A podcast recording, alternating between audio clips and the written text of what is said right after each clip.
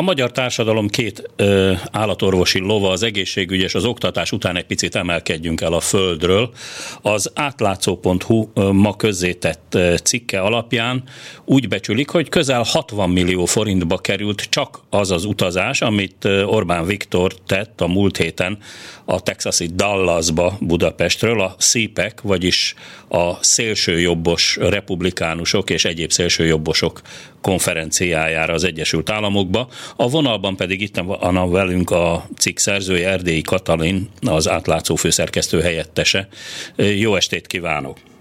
Jó estét kívánok! Mi a baj azzal, hogy Orbán Viktor egy ilyen pártrendezvényre katonai géppel repült?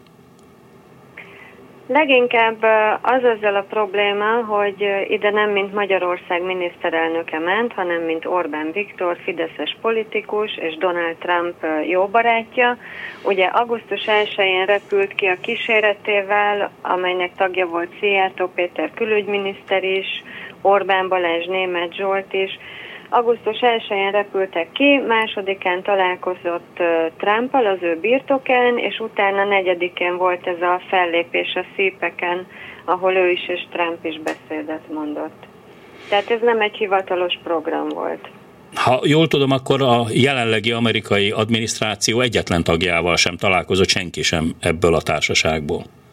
Én is úgy tudom, hogy nem. A fényképek alapján is semmi ilyesmi nem volt, tehát ez, ez tényleg egy ilyen külön, egy ilyen baráti összejövetelnek mondható valami volt.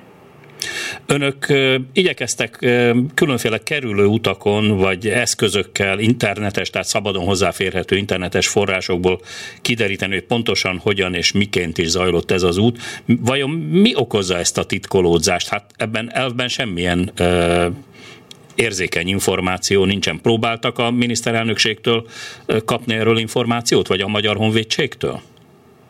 Évek óta próbálkozunk azzal, hogy ezeknek a elvileg honvédségi gépeknek az útjairól valami hivatalos információt kapjunk, akár a miniszterelnökségtől, akár a honvédségtől, de sajnos nem jártunk még sikerrel. Ugye az van, hogy 2018-ban vett négy darab repülőgépet a Magyar Honvédség, az akkori honvédelmi miniszter Simicskó István állította, hogy ezek nem kormánygépek, ezeket a katonasság fogja használni, de aztán ez, ez nagyon hamar hamisnak bizonyult ez az állítás, mert rendszeresen használja a gépeket, leginkább Orbán Viktor és Szijjártó Péter, és nincs is ezzel semmi probléma, mert a legtöbb országban ez egy teljesen normális bevett gyakorlat, hogy van egy külön uh, repülőgép, amit ugye értelemszerűen a honvédség üzemeltet, aminek egyébként is ugye vannak pilótái, tehát uh, ki tudja képezni a szakembereket, és akkor ezekkel a gépekkel fuvarozzák az ország vezetőit.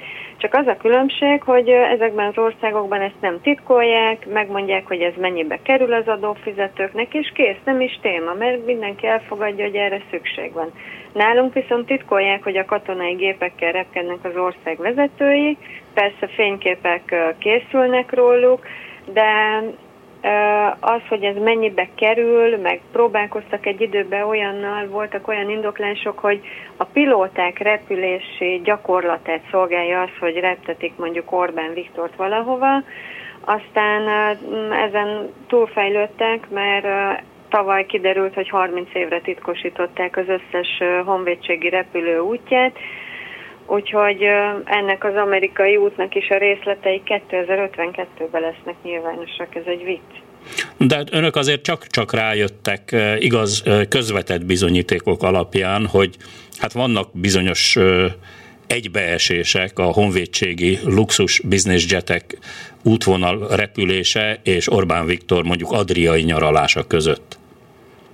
Igen, ugye a repülőgépeknek, még a honvédség luxus kategóriájú falkonjainak is kötelező használniuk egy úgynevezett transpondert, ami ilyen rádiójeleket sugároz, most ilyen nagyon egyszerűen mondom, ami mm, jelzi a gépnek a pozícióját, magasságát, és akkor ezekből a jelekből ugye ki lehet rajzolni az útvonalát, ugye ahogy végig halad a A-ból B-be megtett út során, és hát vannak olyan oldalak, ahonnan ezt le tudják tiltani, hogy ezek az oldalak internetes szájtok ne jelenítsék, viszont van egy olyan oldal, ahol ahol nem érdekli az üzemeltetőket a cenzúra, és igenis kiteszik ezeket az útvonalakat, és uh, innen uh, gyűjtöttük mi is össze azt, hogy hazajött a gép Dallasból, Pesten landolt, aztán lement Kecskemétre, utána kiment Zadarba, Horvátországba, hazajött,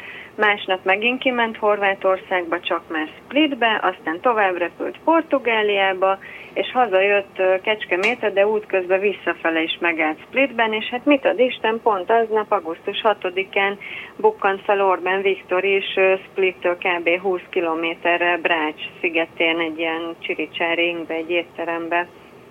Nem akarok álnaivnak tűnni, én pontosan tudom, hogy egy ilyen repülőgép üzemórája az tokkal vonóval ilyen két és fél három millió forintba kerül, tehát még egyszer óránként kerül ilyen e, ekkora összegbe, csak hogy a nálunk fejlettebb demokráciákban magáncélra eszébe nem jut egy miniszterelnöknek vagy egy államfőnek igénybe venni ezt a repülőgépet, vagy ha igen, akkor kifizeti.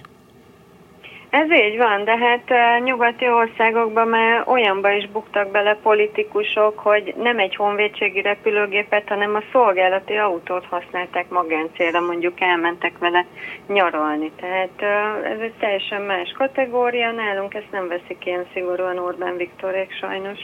Na de ha mondjuk ön vagy én állami vezető vagy alkalmazott lennék, akkor azt gondolom, hogy ez a BTK-ba ütközik, amikor egy állami eszközt, különösen egy honvédségi eszközt magáncélra veszek igénybe, nem?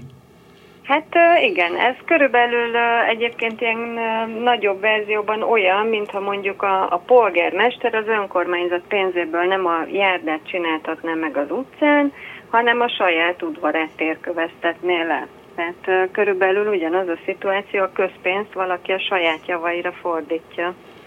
Hát ne adjon ötleteket, mert ez attól tartok, hogy ez gyakorlat lehet számos magyar településen, úgyhogy egyáltalán nem meglepő a közvélemény nagy része számára. Végül is mire jutottak, hogy azt tudják-e, hogy például, hogy most hol tartózkodik a honvédségi repülőgép, és hogy hol tartózkodik a miniszterelnök? Van-e róla valami elképzelésük? Az internetes oldalak szerint a repülőgép az, azóta megint kiment Amerikába, a miniszterelnökről pedig már három napja legalább nem került elő újabb fénykép Horvátországból, valószínűleg nyaral, de majd folytatjuk, hogyha lesznek fejlemények és hát reméljük, hogy jut elég benzin a motorcsónakjába, bár ő talán ott külföldinek számít, nem tudom, hogy hány liter üzemanyagot tankolhatnak. Nagyon szépen köszönöm Erdély Katalinnak, az átlátszó újságírójának. Viszont hallásra! Köszönöm szépen, viszont hallásra!